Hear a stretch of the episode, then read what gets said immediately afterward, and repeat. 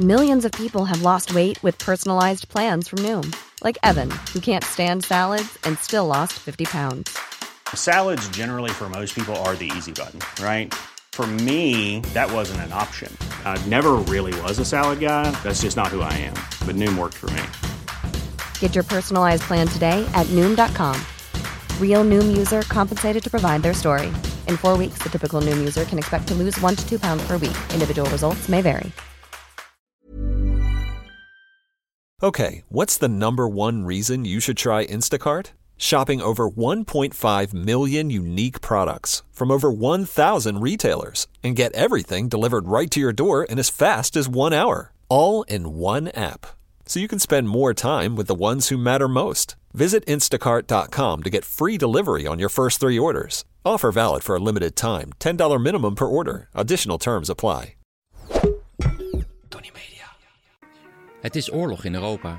Gaan we allemaal dood in een kernoorlog? Nee, ik denk het niet. Gaat de oorlog de wereld veranderen? Dat weet ik zeker. In samenwerking met Dagblad Trouw probeer ik met deze podcast grip te krijgen op de oorlog. Hier houd ik je wekelijks op de hoogte van de situatie in Oekraïne en Rusland. Het was een eh, druk weekje in Oekraïne, zoals jullie vast hebben gezien. Hoop te bespreken dus, maar eerst nog even dit.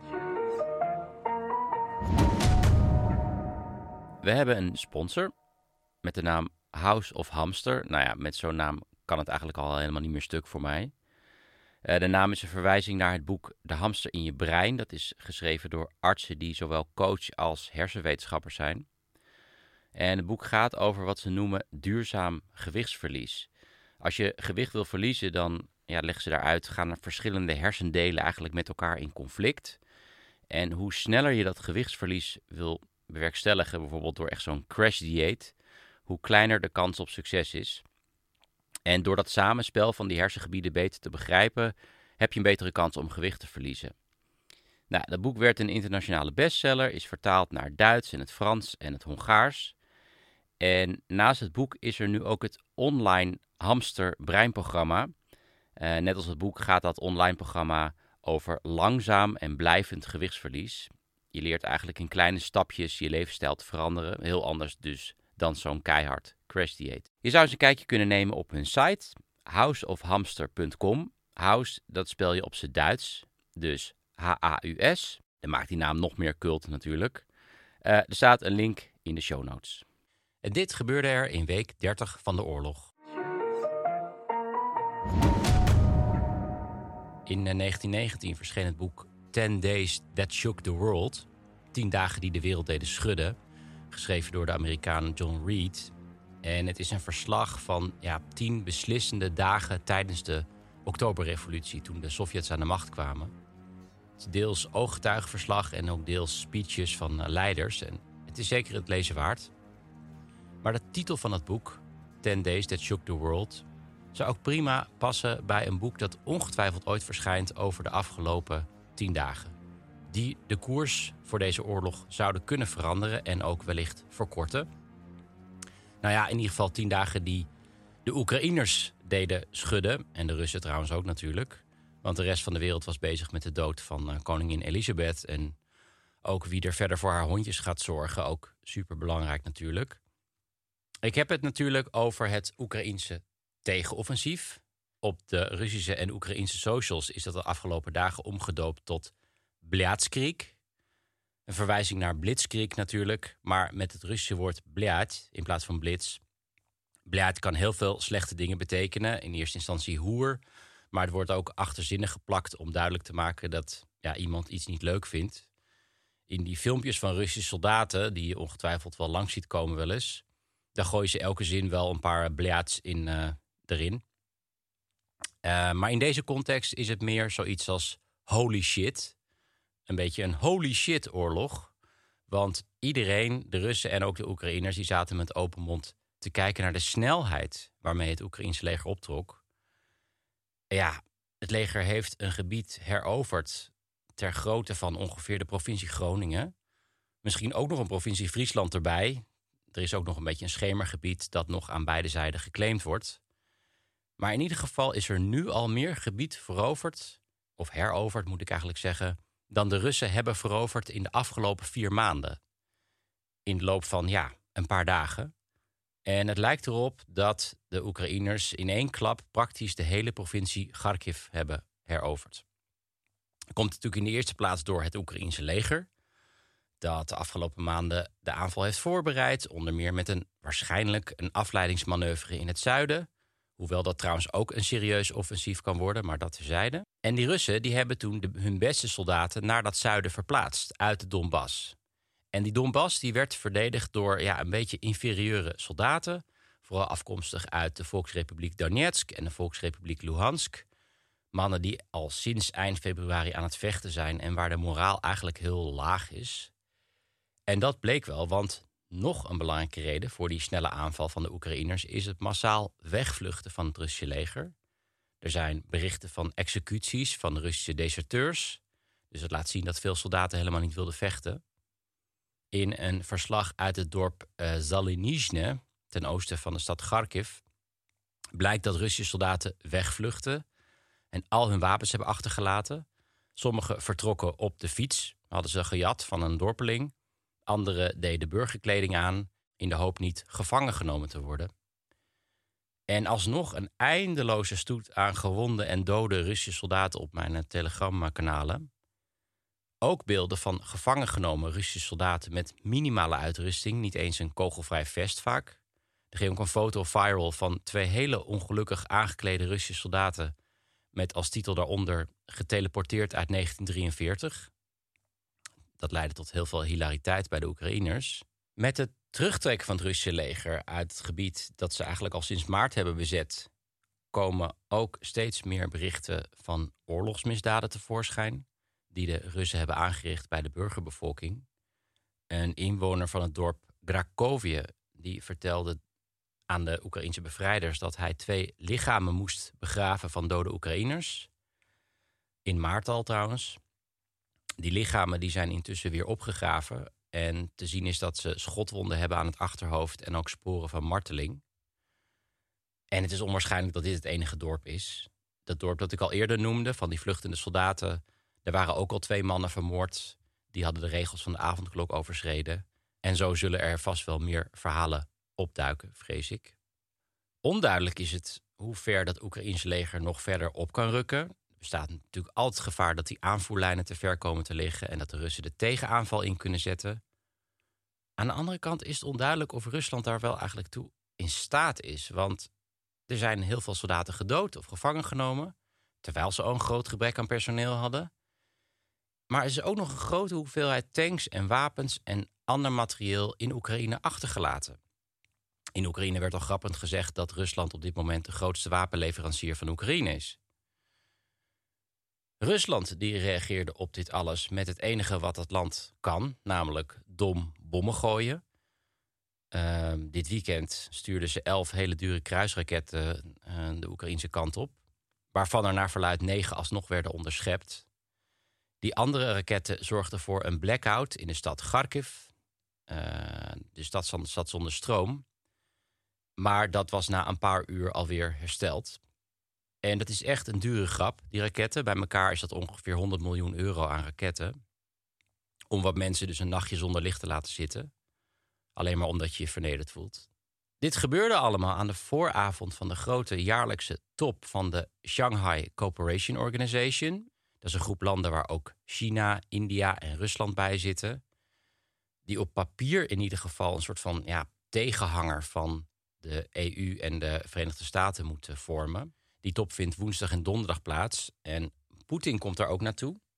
Net als Xi Jinping. Het is ook het eerste bezoek van Xi buiten China sinds corona. Ik ga daar ook naartoe, samen met Ruben Terlouw.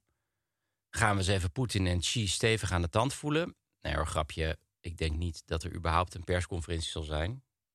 Het zal wel heel erg veel zitten zijn en wachten in slecht geventileerde zaaltjes... met allemaal mannen in een polyester pak, stel ik me zo voor. Die vinden dat deodorant onzin is. En waar helemaal niks gebeurt. Maar wie weet, als je nog een vraag hebt voor Poetin, laat me weten. Ik ben daar voor die serie over Centraal-Azië. Daarna blijf ik ook even nog in Oezbekistan om verder te filmen. En Ruben gaat dan door naar Kazachstan. Hoe dan ook, Poetin die hoopte op die top natuurlijk iets van status terug te krijgen als wereldleider. En nu gaat hij erheen als een leider die het zoveelste gênante verlies heeft geboekt in Oekraïne. De vraag is natuurlijk ook hoeveel nederlagen Poetin nog kan verdragen aan het thuisfront. En daarvoor duiken we nu in de Russische media. Ja, want wat hebben de Russen nou eigenlijk van dit alles meegekregen? Als ze de oorlog trouwens al volgen, want laten we niet vergeten dat hele volkstammen zich met andere dingen bezighouden. In Nederland trouwens ook. In Moskou waren ze in ieder geval bezig met de viering van het 875-jarig bestaan van Moskou. Trouwens, toen Moskou werd gesticht, bestond Kiev al 660 jaar, maar dat terzijde. Zo werd Poetin op tv in beeld gebracht als een man die feestelijk door Moskou loopt en een reuzenrad opent, getiteld De Zon van Moskou. Dat uh, reuzenrad leidde tot hilariteit op de telegramkanalen, uh, want kort na de opening bewoog dat rad al niet meer en kwamen mensen vast te zitten. Dat was dus de dag van de opening. Volgens de leiding van het reuzenrad ging het om een systeemkalibratie. Nou ja, ik ben van huis uit geen systeemkalibreur, kalibrateur, kalibreerder, hoe je het ook zegt. Maar ik denk dat je dat misschien beter zou kunnen doen als er geen passagiers in zitten. Verder ging Poetin nog een uh, sportzaal openen. En je ziet hem lachend de zaal binnenlopen. Tot hij erachter komt dat de hele zaal om een van de reden helemaal in de kleuren blauw en geel is gemaakt. Dus dan stopt hij eigenlijk ook wel met lachen. Hoe dan ook, die eerste dagen deed het Kremlin ja, wat het normaal altijd doet, namelijk alles ontkennen. Totdat ze door hadden dat ze iets moesten zeggen. En hadden ze het over de hergroepering van Russische soldaten aan het front van de Donbass. Hergroepering, ja, zo kan je dat dus ook noemen. Best wel raar dat ze bij die hergroepering alle tanks achterlieten. En raar ook wel dat ze bij het hergroeperen het militair hoofdkwartier in uh, Izium verlieten. In dat, in dat Izium trouwens zou dit weekend de Russische popzanger Gazmanov daar een concert geven. De titel van het concert was Rusland is hier voor altijd. En die stad is dus nu in Oekraïnse handen. Ja, en wat opvallend is, zelfs de meest pro-Poetin propagandisten op tv... die nemen dit narratief van die hergroepering helemaal niet over. Want waarschijnlijk snappen ze dat zelfs de grootste idioot achter de televisie... voor de televisie, hoe je het ook wil bekijken... begrijpt dat de Russen zijn verdreven en helemaal niet bezig zijn met hergroeperen. Salavjov, een hele bekende propagandist, die had het over een moeilijke situatie en had ook kritiek op Poetin. Want Salavjov vindt dat Rusland moet laten zien dat het menens is en Oekraïne op zijn neus moet slaan. Even tussendoor, het gezicht van Salavjov toonde tekenen van uh, verwondingen. Leek alsof iemand hem op zijn neus had geslagen, maar ging verder niet in op die, uh, op die wonden. Mironov, de leider van de nep-oppositiepartij in de Duma, die zei dat de festiviteiten in Moskou ongepast waren. Ramzan Kadyrov, de leider van de deelrepubliek Tsjetsjenië, die zei dat de legerleiding, dus de Russische legerleiding, fouten heeft gemaakt. En dat Poetin uit moet leggen waarom ze zijn teruggetrokken. En dit zijn allemaal nog een beetje milde commentaren. Op Telegram was de toon een stuk grimmiger op de nationalistische kanalen. Het kanaal Miek met 420.000 abonnees die zei dat ze de regering van Poetin niet meer steunen na dit offensief. Ze willen allemaal dat Rusland Oekraïne de oorlog verklaart. Ja, en met dienstplichtigen die kant op te sturen is inderdaad de enige mogelijkheid voor de Russen om, uh, om te winnen. Al moet je daar ook geen wonderen van verwachten. Want vanaf die mobilisatie duurt het nog een half jaar voordat die dienstplichtigen naar het front uh, kunnen worden gestuurd. Sommigen op die kanalen die hinten al op een paleiskoep. Een populaire blogger die schreef: of Rusland wordt weer zichzelf door het vervangen van de politieke elite, of Rusland houdt op te bestaan. Die uh, domme en die dure bommen op Kharkiv, waar ik mee begon, dat moet een beetje een concessie zijn geweest om die nationalisten tevreden te stellen. Die bommen werden ook met veel gejuich begroet op de telegramkanalen. Maar de vraag is hoe lang Poetin die nationalisten, die ook in zijn inner cirkel zitten, nog onder de duim kan houden en hoeveel nederlagen hij nog kan verdragen. Zo begon ook de Oktoberrevolutie, per slot van rekening, met een falend leger aan het front in de Eerste Wereldoorlog. Oké, en dan nog dit. Intussen is het relatief rustig aan het front in het zuiden, in de provincie Gerson. Maar dat kan elk moment veranderen als de Oekraïners hier ook succes hebben met een tegenoffensief. Intussen is de situatie in de stad Gerson, die in Russische handen is sinds het begin van de oorlog, steeds grimmiger. Dat heeft ook te maken met de toename van uh, activiteit van partizanen. Ik las een reportage in de Wall Street Journal. Uh, die echt een uniek inkijkje geeft vanuit die bezette stad. Ik zal een link in de show notes zetten. Want door het opblazen van de bruggen in de buurt van die stad wordt het steeds moeilijker om die stad te bevoorraden. En dat zal vooral in de winter een groot probleem worden. De prijs van sommige goederen is al verdubbeld. Maar nog verontrustender is, uit die reportage blijkt, dat veel inwoners van Gerson liever niet meer de auto nemen. Er zijn veel ongelukken met dronken Russische soldaten achter het stuur. En het is ook een risico dat je wordt aangehouden door soldaten die vervolgens op je telefoon gaan kijken op zoek naar iets om je mee op te pakken. Daarvoor hebben sommige mensen ook twee mobieltjes, één voor thuis en één op straat. Alsnog zitten honderden inwoners van Gerson opgesloten in de gevangenis.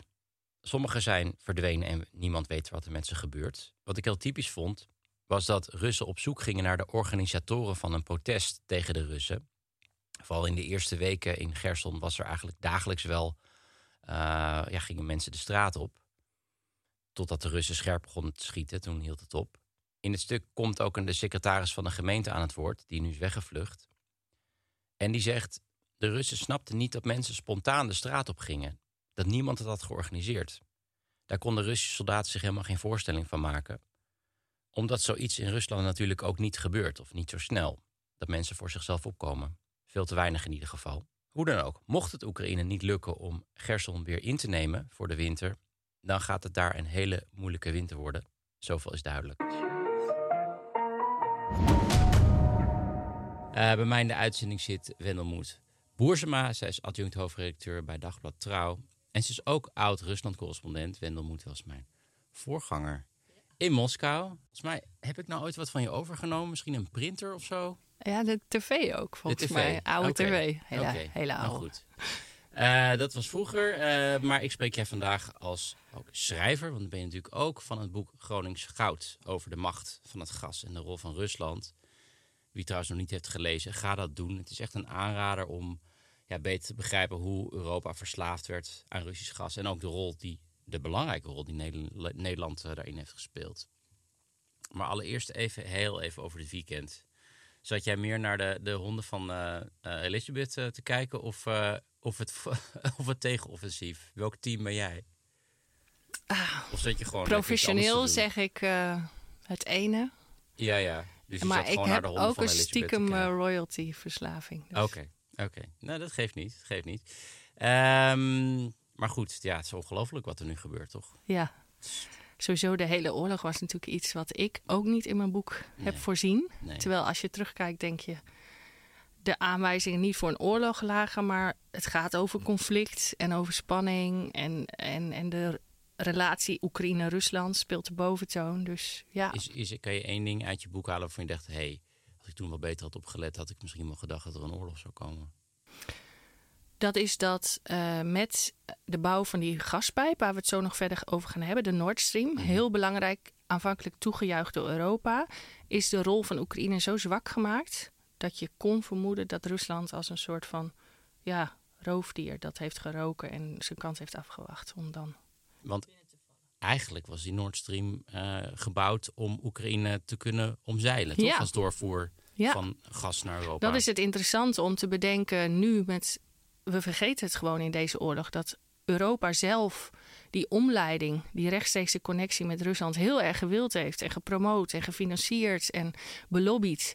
En dat was omdat ze het eigenlijk zat waren dat Rusland en Oekraïne de hele tijd over de tafel rolden met over gasdoorvoertarieven. En dat Oekraïne in het verleden ook gas aftapte en rekeningen niet betaalde. En Europa wilde daarvan af, of in ieder geval minder afhankelijk van zijn. Vandaar de Nord Stream. Ja. Zonder verder eigenlijk in te verdiepen wat precies dat conflict was tussen Rusland en Oekraïne. Ja. Dat was toen in ieder geval niet echt interessant. Denk nee, ik. en er zijn wel landen in Europa geweest die dat zagen. En vooral toen die bij de Europese Unie kwamen, dus Polen en Baltische Staten, die hebben altijd gevoeld wat voor zwakke positie uh, Oekraïne daarmee gebracht is. Ja. En, en, die waarschuwingen zijn te laat uh, ter harte genomen. In, uh, aan de westerse kant van ja. Europa. Hey, ik wil het even met je hebben over de Russische gas. Want Poetin ziet dat gas nog steeds als een soort van troefkaart. Tegelijkertijd zijn die gasreserves in Europa eigenlijk best goed gevuld. En zijn ook heel druk bezig om die gasstroom te diversificeren. Normaal is het 40% komt uit Rusland, nu is het al 9%, dus het is echt niet veel. Uh, is dat gas eigenlijk nog wel een troefkaart? Nou, ik denk eerst een paar kanttekeningen. We moeten ons nog niet rijk prijzen, want onze bergingen zijn nu is gevuld met Russisch gas. Er zijn wel uh, hinderingen geweest in de leveringen, maar we hadden deze zomer nodig om de volgende winter minder Russisch gas te kunnen gebruiken. Dus mm. nu zit er veel Russisch gas in onze bergingen. Ja. Um, dus dat is meteen een oplossing voor één winter, maar niet per se voor de winters daarna. Mm dat geldt ook voor die 40%, 9%. Het is nu zomer, die cijfers zijn vertekend. Dus ik denk op de lange termijn zijn we er nog niet van af of hebben de problemen nog niet opgelost, om het maar zo te zeggen. En ik denk dat het allerbelangrijkste is dat Europa nu heel hard werkt niet aan een vervanging van gas met gas, maar gas met duurzame bronnen of in ieder geval bronnen die ze in hun eigen macht mhm. hebben. Dus hij heeft misschien nog wel een troefkaart, zou je dat kunnen zeggen? Nou, voor deze winter... Want die reserves zitten wel goed vol. Dus... De reserves zitten goed vol, maar net wat ik zei, die zijn deels, uh, grotendeels nog met Russisch gas gevuld. want eh, de tankers die lopen mhm. nu ook veel vaker binnen, maar dat uh, is nog niet heel substantieel. En um, dus het is op dit moment een soort hozen voor deze winter, waarbij we ook echt mogen hopen dat het kwik niet onder de min 10 zakt. Mhm. Of onder de min 5 zelfs. Want dan gaat het zoveel harder. En dan zullen er misschien niet in Nederland, maar wij hebben natuurlijk ook een soort. Uh, zijn altijd een soort voorziener geweest, ook voor onze buurlanden. Dus we hebben ook een soort plicht om de, de rest bij te staan als het niet lukt. En mhm. Europa als geheel voelt dat ook heel erg met de landen die het minste voorraad hebben kunnen aanleggen.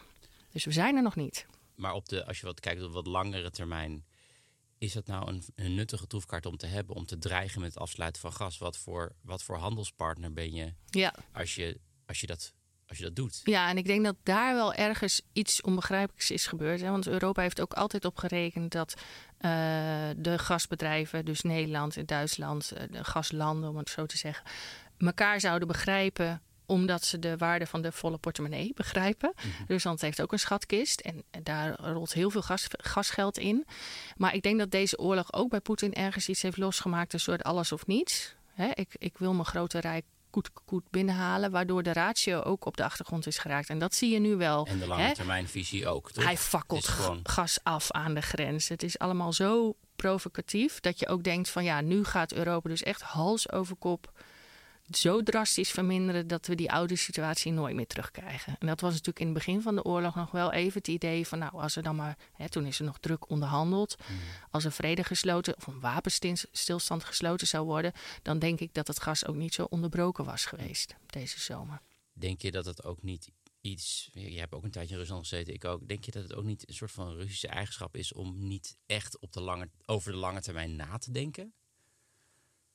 Ja, als ik eerlijk ben. Het is toch altijd een ja, beetje ad het is, daar. Ja, en je kan ook, ja, je, ik denk dat jij dat ook wil, zo graag in zijn hoofd kijken. Maar de man wordt natuurlijk ouder. Hij heeft één grote droom. En hij denkt echt nu of nooit, volgens mij. Nu wil ik dat grote Russische Rijk terug.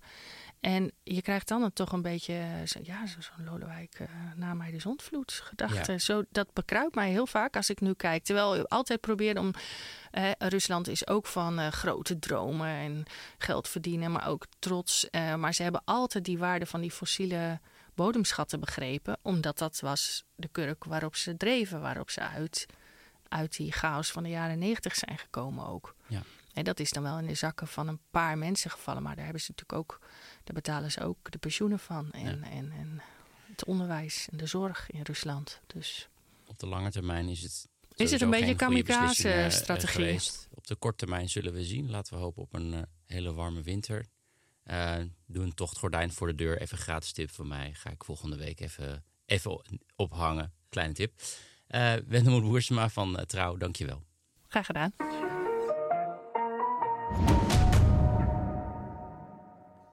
Dat was het voor vandaag.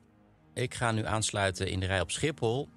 Als ik die vlucht haal, vlieg ik met Ruben richting Tashkent. Ik zal af en toe foto's plaatsen op Twitter en eh, Instagram. Als ik tijd heb. Waarschijnlijk wel, want we zitten dus eindeloos te wachten, denk ik, bij, tijdens die persconferenties.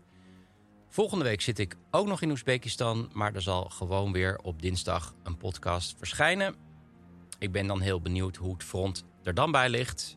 Ik hou ook nog de situatie in Armenië en Azerbeidzjan in de gaten, want het lijkt daar ook uit de hand te lopen. Maar goed, dat zien we volgende week. Tot dan.